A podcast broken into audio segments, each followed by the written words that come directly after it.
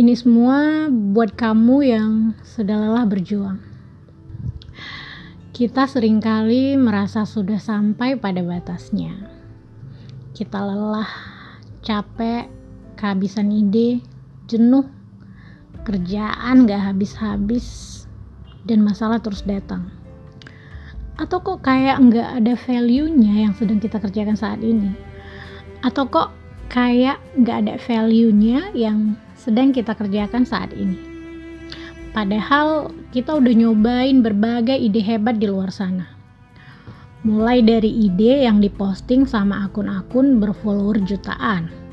Ide yang ditawarin sama temen yang udah berhasil. Tapi hasilnya malah bikin depresi banyak untungnya aja depresi, apalagi rugi. Kadang kita bahkan sempat iri dengan kehidupan orang lain. Kerjaannya standar, bisnisnya kadang rugi. Kok ya nyaman-nyaman aja? Kok bisa sebahagia itu?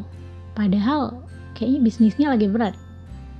Atau kalian yang mungkin udah bekerja dengan gaji puluhan juta di perusahaan multinasional, punya tabungan, rumah, dan segalanya. Tapi dalam hati sering banget muncul pertanyaan, kok ini rasanya seperti bukan diriku ya? Terus kalimat sakti yang paling sering berseliweran di beranda medsos itu kayak follow your passion itu makin ngebikin kita nggak yakin sama apa yang sedang kita kerjakan. Mulailah kita bimbang dan bertanya lagi sama diri sendiri. Apa kita memang udah menemukan passion?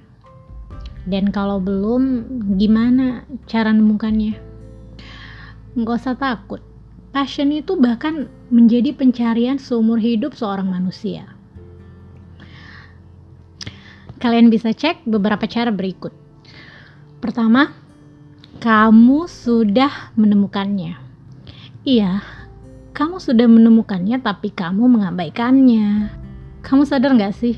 Kamu seharian ngapain aja? Ngomongin apa aja tiap hari? Apa yang kamu browsing di internet? Apa aja ide atau topik yang selalu kamu cari waktu kamu lagi senggang? Dan ya, kamu sudah punya passionmu, tapi sayangnya kamu abaikan Mark Manson bilang, kamu bukannya nggak punya passion terhadap sesuatu. Masalahnya itu di produktivitasmu. Masalahnya ada pada sudut pandangmu. Masalahnya adalah dirimu sendiri. Kedua, topik apa yang kalau kamu ceritain berjam-jam, kamu malah makin happy? Coba deh, kamu list pasti ada beberapa hal yang sering banget jadi bahan pembicaraanmu. Pokoknya kalau udah soal itu kamu siap duduk dan debat berjam-jam. Kamu punya data dan argumen apa aja buat dukung topikmu itu. Hampir sama dengan poin pertama. Bisa jadi itu adalah passionmu. Kamu senang banget dengan hal itu karena bisa jadi itu salah satu hobi yang menurut kamu paling kamu sukai. Tau gak sih? Hobimu itu adalah alat bantu kamu mewujudkan passion. Misalnya nih, Bram cinta banget baca komik. Well itu cuma sekedar hobi kalau Bram cuma beli komik, membacanya, dan dipajang di rak buku. Coba deh kalau misalnya Bram jadi youtuber yang review komik atau jualan komik dari berbagai negara. Selanjutnya, ingat kembali masa kecilmu. Ingat gak sih, waktu kecil kita melakukan apa aja tanpa disuruh?